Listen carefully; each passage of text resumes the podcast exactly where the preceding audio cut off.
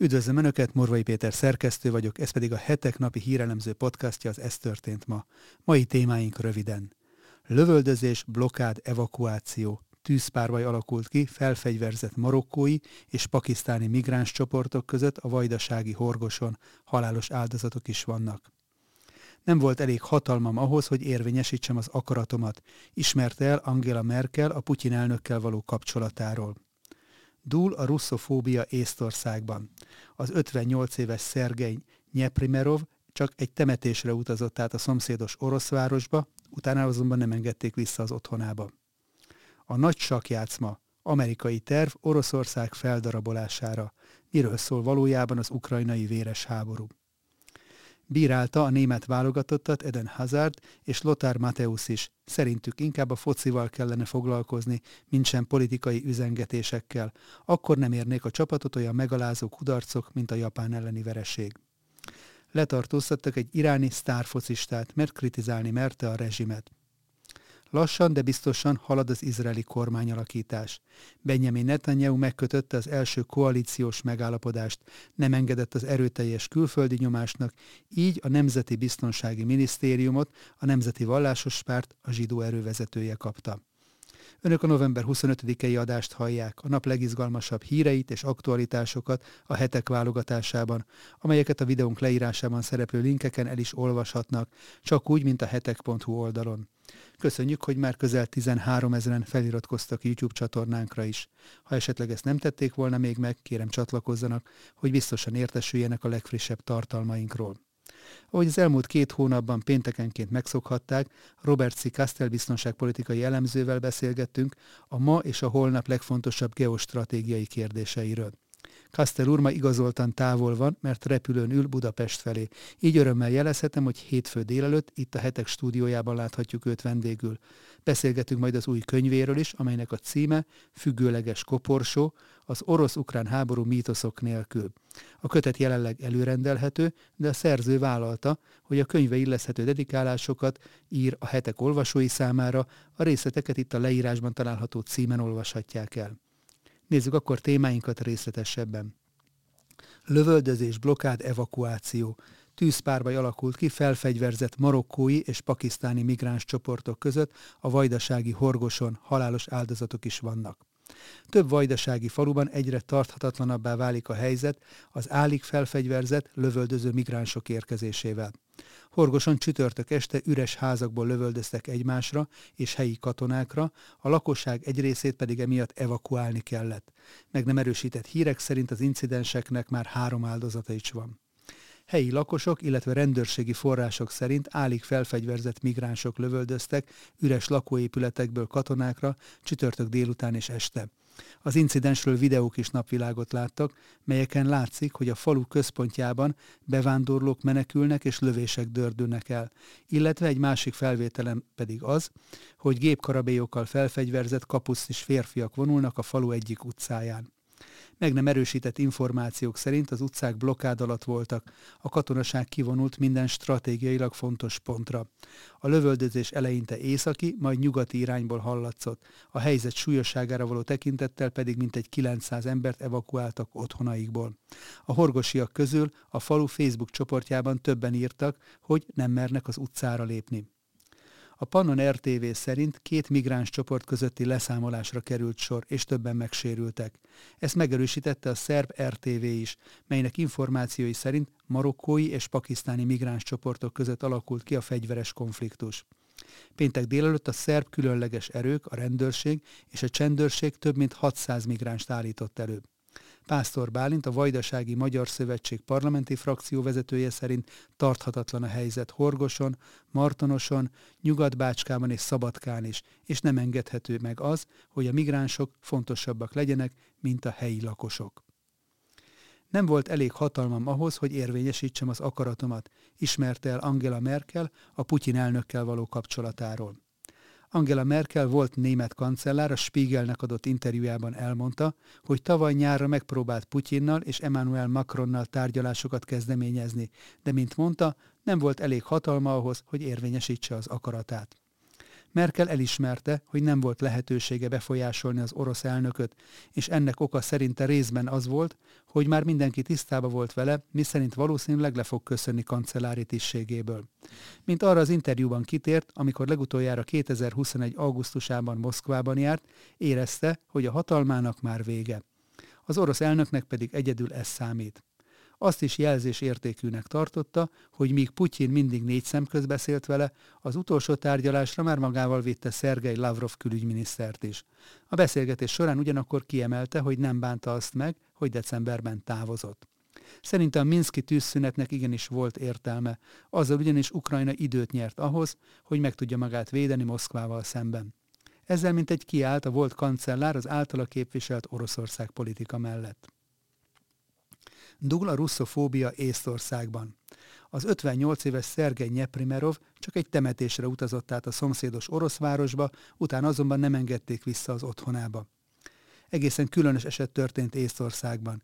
Egy orosz férfi, aki már 58 éve az országban él, azért ment át egy szomszédos orosz településre, hogy ott legyen egyik barátja temetésén.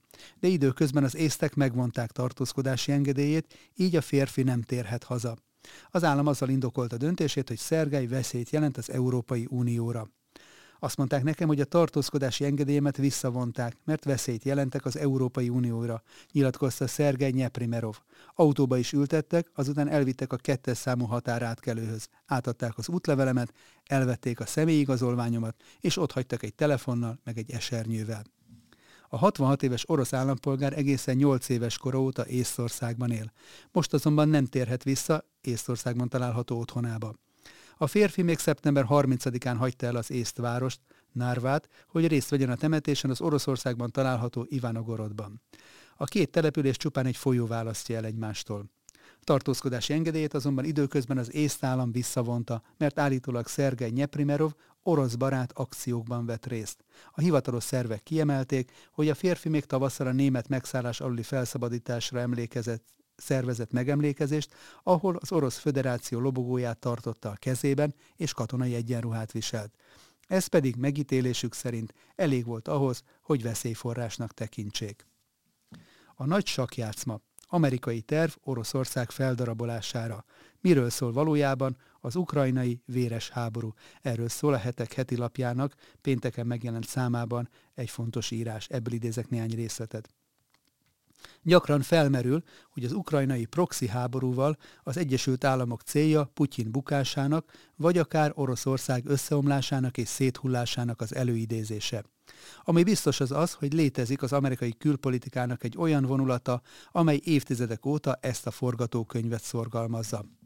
Amerika globális birodalommá válásának koncepcióját Zbigniew Brzezinski, Jimmy Carter elnök nemzetbiztonsági tanácsadója fogalmazta meg.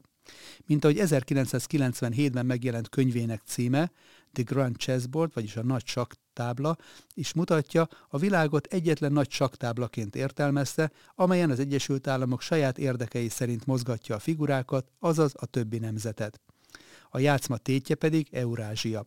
Ahogy Brzezinski megjegyezte, a szuperkontinens potenciális hatalma még Amerikáét is beárnyékolná és megszerzése egyből biztosítaná azt a befolyást a világ három gazdaságilag legtermékenyebb régió, régiója közül kettőre, vagyis Nyugat-Európára és Kelet-Ázsiára, illetve a vezető szerepet a közel-keleten és Afrikában. Globális elsőbségének kiépítéséhez Amerikának nyugaton a demokratikus hídfőként szolgáló Európára kell támaszkodnia. Mivel a szövetséges európai nemzetek még mindig nagy mértékben függenek az Egyesült Államok védelmétől, Európa politikai hatókörének bármilyen kiterjesztése automatikusan az Egyesült Államok befolyásának a kiterjesztését jelenti.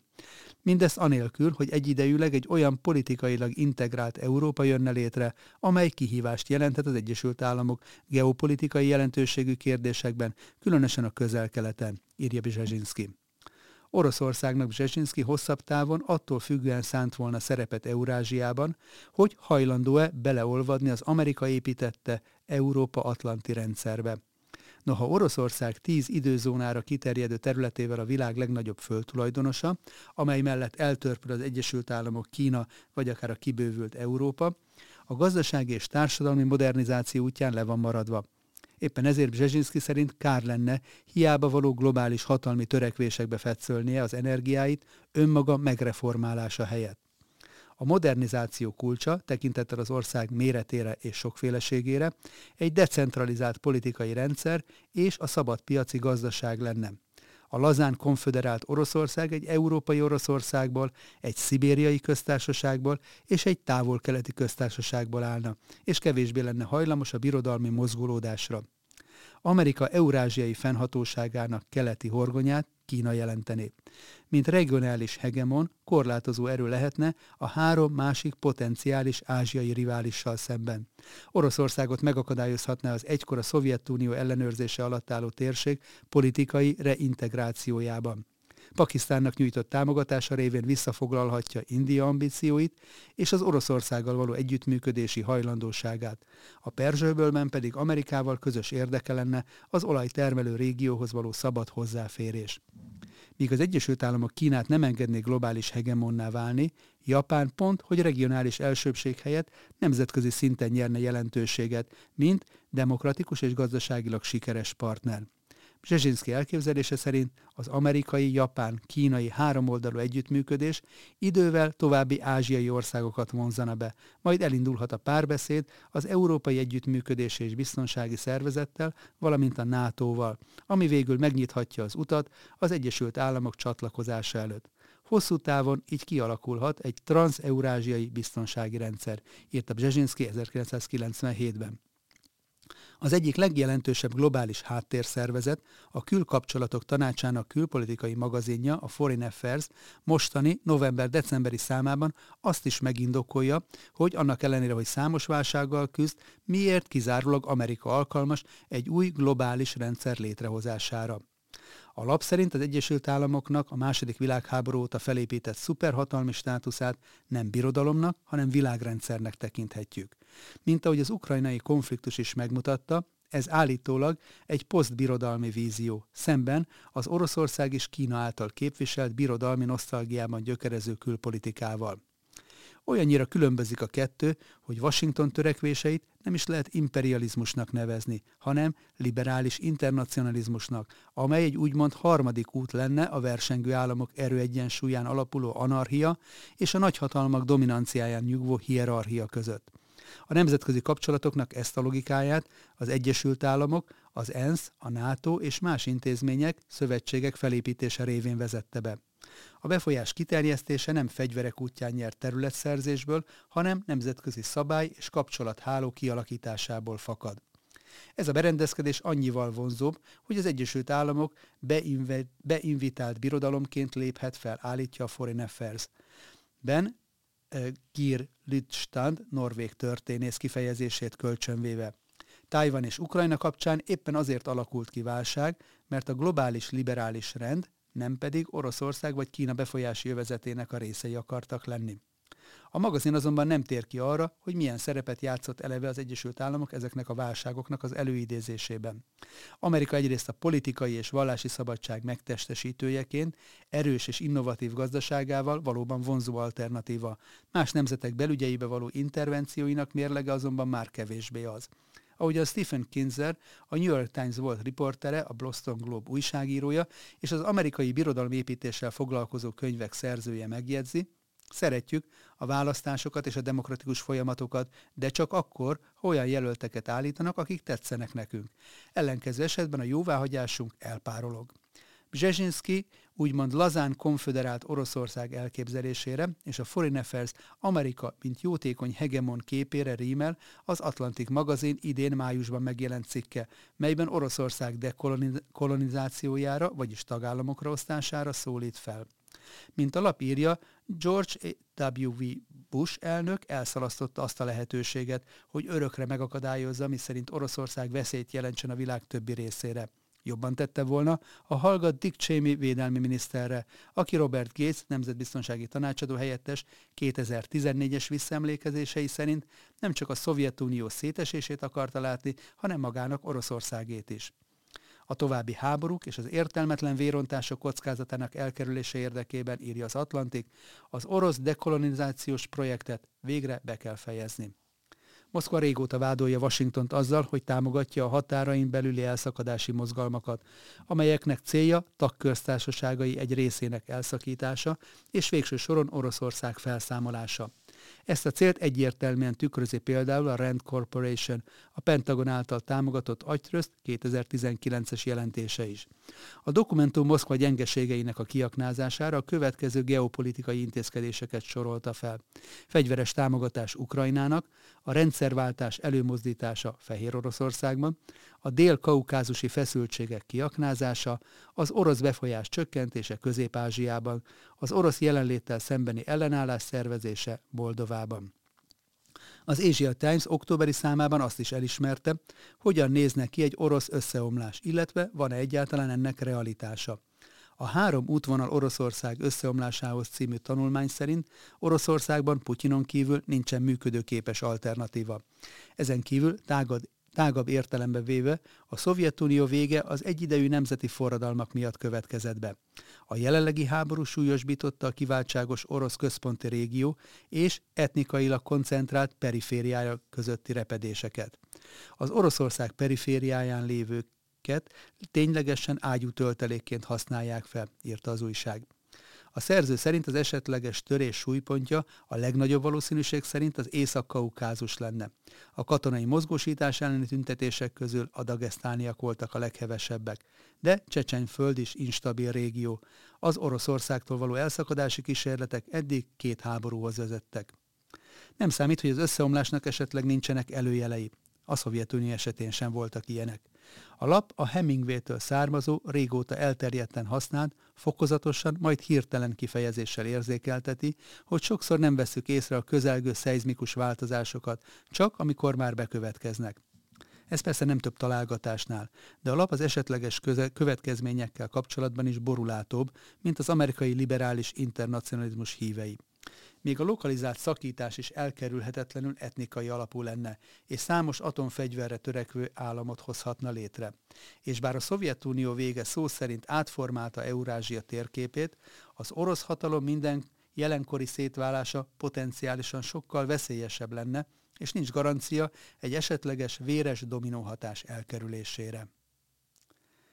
Bírálta a német válogatottat Eden Hazard és Lothar Mateusz is. Szerintük inkább a focival kellene foglalkozni, mint sem politikai üzengetésekkel. Akkor nem érnék a csapatot olyan megalázó kudarcok, mint a japán elleni vereség. Lothar Mateusz úgy értékelte a japán elleni 2-1-es német vereséget a Katari világbajnokságon, hogy a német válogatott körül túl sok volt a dráma, és nem a futballal foglalkoztak. Ahogy arról beszámoltunk, a német válogatott focistái eltakarták a szájukat a japán elleni meccs előtti csapatfotónál, hogy így tiltakozzanak az ellen, hogy a FIFA megtiltotta, miszerint szivárvány színű karszalagot viseljenek a játékosok a Katari V-ben. A volt magyar szövetségi kapitány Lothar Mateusz szerint a német válogatott számára túl sok olyan ügy volt, ami fontosabb volt a futballnál, ahogyan négy évvel ezelőtt is. Mateusz szerint ez zavarja a sportolókat a koncentrációban, és elvonja figyelmüket a mérkőzésekről. A szakember szerint ez volt az oka annak, hogy a német válogatottból hiányzott a döntő 5-10 százalék a japán elleni győzelemhez. Hasonló véleményt fogalmazott meg Eden Hazard is, aki bírálta a FIFA karszalag tiltása miatt csoportképpel tiltakozó németeket. A Real Madrid belga sztárjátékosa azt üzente a japán elleni kínos vereséget szenvedő német válogatottnak. Azért vagyunk itt, hogy focizzunk, nem pedig azért, hogy politikai üzenetet közvetítsünk. Hazard úgy véli, hogy a négyszeres világbajnok jobban tette volna, ha inkább a győzelemre koncentrál, mint sem arra, hogy demonstráljanak a mérkőzésen. A belga csatár úgy véli, hogy az ilyen tiltakozásoknak másút van a helyük, nem pedig egy világbajnokságon. Mi a futballra akarunk koncentrálni, mondta Hazard. Több európai válogatott azonban nem nyugodott bele a tiltásba, és Dánia már azt is felvetette, hogy tiltakozásul akár ki is léphetnek a FIFA-ból. Letartóztattak egy iráni sztárfocistát, mert kritizálni merte a rezsimet. Voria Gafuri, Irán egyik leghíresebb futbalistája nem vesz részt a Katari világbajnokságon. Az iráni hatóságok most azzal vádolják őt, hogy az iszlám köztársaság elleni propagandát terjeszt, és a Katari VB-n résztvevő iráni nemzeti 11 hírnevét csorbítja. Gafuri 2018-ban az iráni futballválogatott tagja volt, és régebben is felszólalt az iráni kurdok védelmében, felszólítva az iráni kormányt, miszerint fejezze be a kurd nép gyilkolását. Sokak meglepetésére az idei válogatottba már nem került be. A 35 éves futbalista nem először kerül letartóztatásba. Régebben azért is elvett, elvitték a hatóságok, mert kritizálta Javad Zarif korábbi külügyminisztert. Több iráni miniszter a napokban azzal vádolta meg Gafurit, hogy kurd szeparatista, amire a sportoló úgy reagált, hogy akár az életét is feláldozná Iránért. A játékos valóban kurd, és ugyanabból a kurdok lakta iráni városból származik, ahol hónapok óta zavargások vannak, Maxa Amini kurd fiatal nő halála óta. A sportoló a tüntetések során megsebesült tiltakozókat is meglátogatta, közösségi oldalán pedig azt írta letartóztatása előtt. Hagyják abba a kurd nép gyilkolását. A kurd nép maga Irán. A kurdok ölése egyenlő Irán megölésével. Ha közönyös vagy a népgyilkolása iránt, akkor nem vagy irányi, sőt nem vagy emberi lény se. Minden törzs Iránból származik. Ne öljék az embereket, írta a válogatott, volt válogatott futbalista. Lassan, de biztosan halad az izraeli kormányalakítás.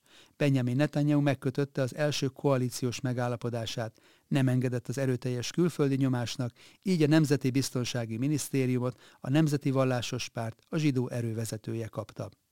Izraelben megszületett az első koalíciós egyezmény, a Benjamin Netanyahu miniszterelnök jelölt vezette Likud és a zsidó erő, Héber nevén Ocma Yehudit nevű jobboldali ultranacionalista párt között. A megállapodás szerint megváltoztathatják a belbiztonsági tárca nevét Nemzeti Biztonsági Minisztériumra, és az eddiginél nagyobb hatalmat is biztosítanak a rendőrség munkáját felügyelő minisztériumnak, amelynek az élére Itamár Ben-Gvir, a zsidó erő vezetője kerül megváltozik a periférikus területek fejlesztéséért felelős központi intézmény neve is. Galilea és Negev ügyeinek minisztériumáról Negev, Galilea és a Nemzeti Erő minisztériumára. És ezt szintén a zsidó erő második emberére, Yitzhak Wasserlaufra bízzák. A keleti ultraortodox SASZ is igényt tartott erre a minisztériumra, ezért leválasztották arról a periférikus térségek ügyeit, és azt külön nekik szánják a vállalkozások szerint már vasárnap velük is megszülető egyezményben. A hírek szerint Netanyahu már vasárnap alá szeretné írni a megállapodást a sasszal, majd az askenázi ultraortodoxok Tóra pártjával. A november elején tartott parlamenti választásokon a Netanyahu támogató jobboldali nemzeti vallásos tömb 64-et nyert meg a Knesset 120 képviselői helyéből, és a köztársasági elnök a Likud párt elnökét kérte fel a kormány alakításra. A kormányfő jelöltnek az izraeli törvények szerint 28 nap áll rendelkezésére a kabinet megalakítására, amit Yitzhak Herzog államfő meghosszabbíthat újabb 14 nappal. Választási programjában Netanyahu tisztán jobboldali kormány megalakítását ígérte azokkal a pártokkal, amelyek az elmúlt három év öt választásán folyamatosan támogatták őt. Nos, ennyi fér bele mai ajánlónkba. Morvai Pétert hallották az Ez történt ma, november 25-i adásában. Hétfőn újra várom Önöket aktuális hírekkel, ajánlókkal, és hogyha szeretnének ezekről biztosan értesülni, akkor kérem iratkozzanak fel a hetek YouTube csatornájára, ahogyan ezt már közel 13 ezeren meg is tették, amit ezúton is nagyon köszönünk. Ha pedig a nyomtatott lapot részesítik előnybe, ajánlom megtisztelő figyelmükbe a most indult előfizetői akciónkat, a fődíj egy Toyota személyautó akik pedig szeretnék támogatni a hamarosan 25 éves évfordulójához érkező hetek elemző világértelmező munkáját, a leírásban szereplő linken találhatják meg az ehhez szükséges információkat. Viszont látásra hétfőn újra jelentkezünk, addig is szép hétvégét mindenkinek!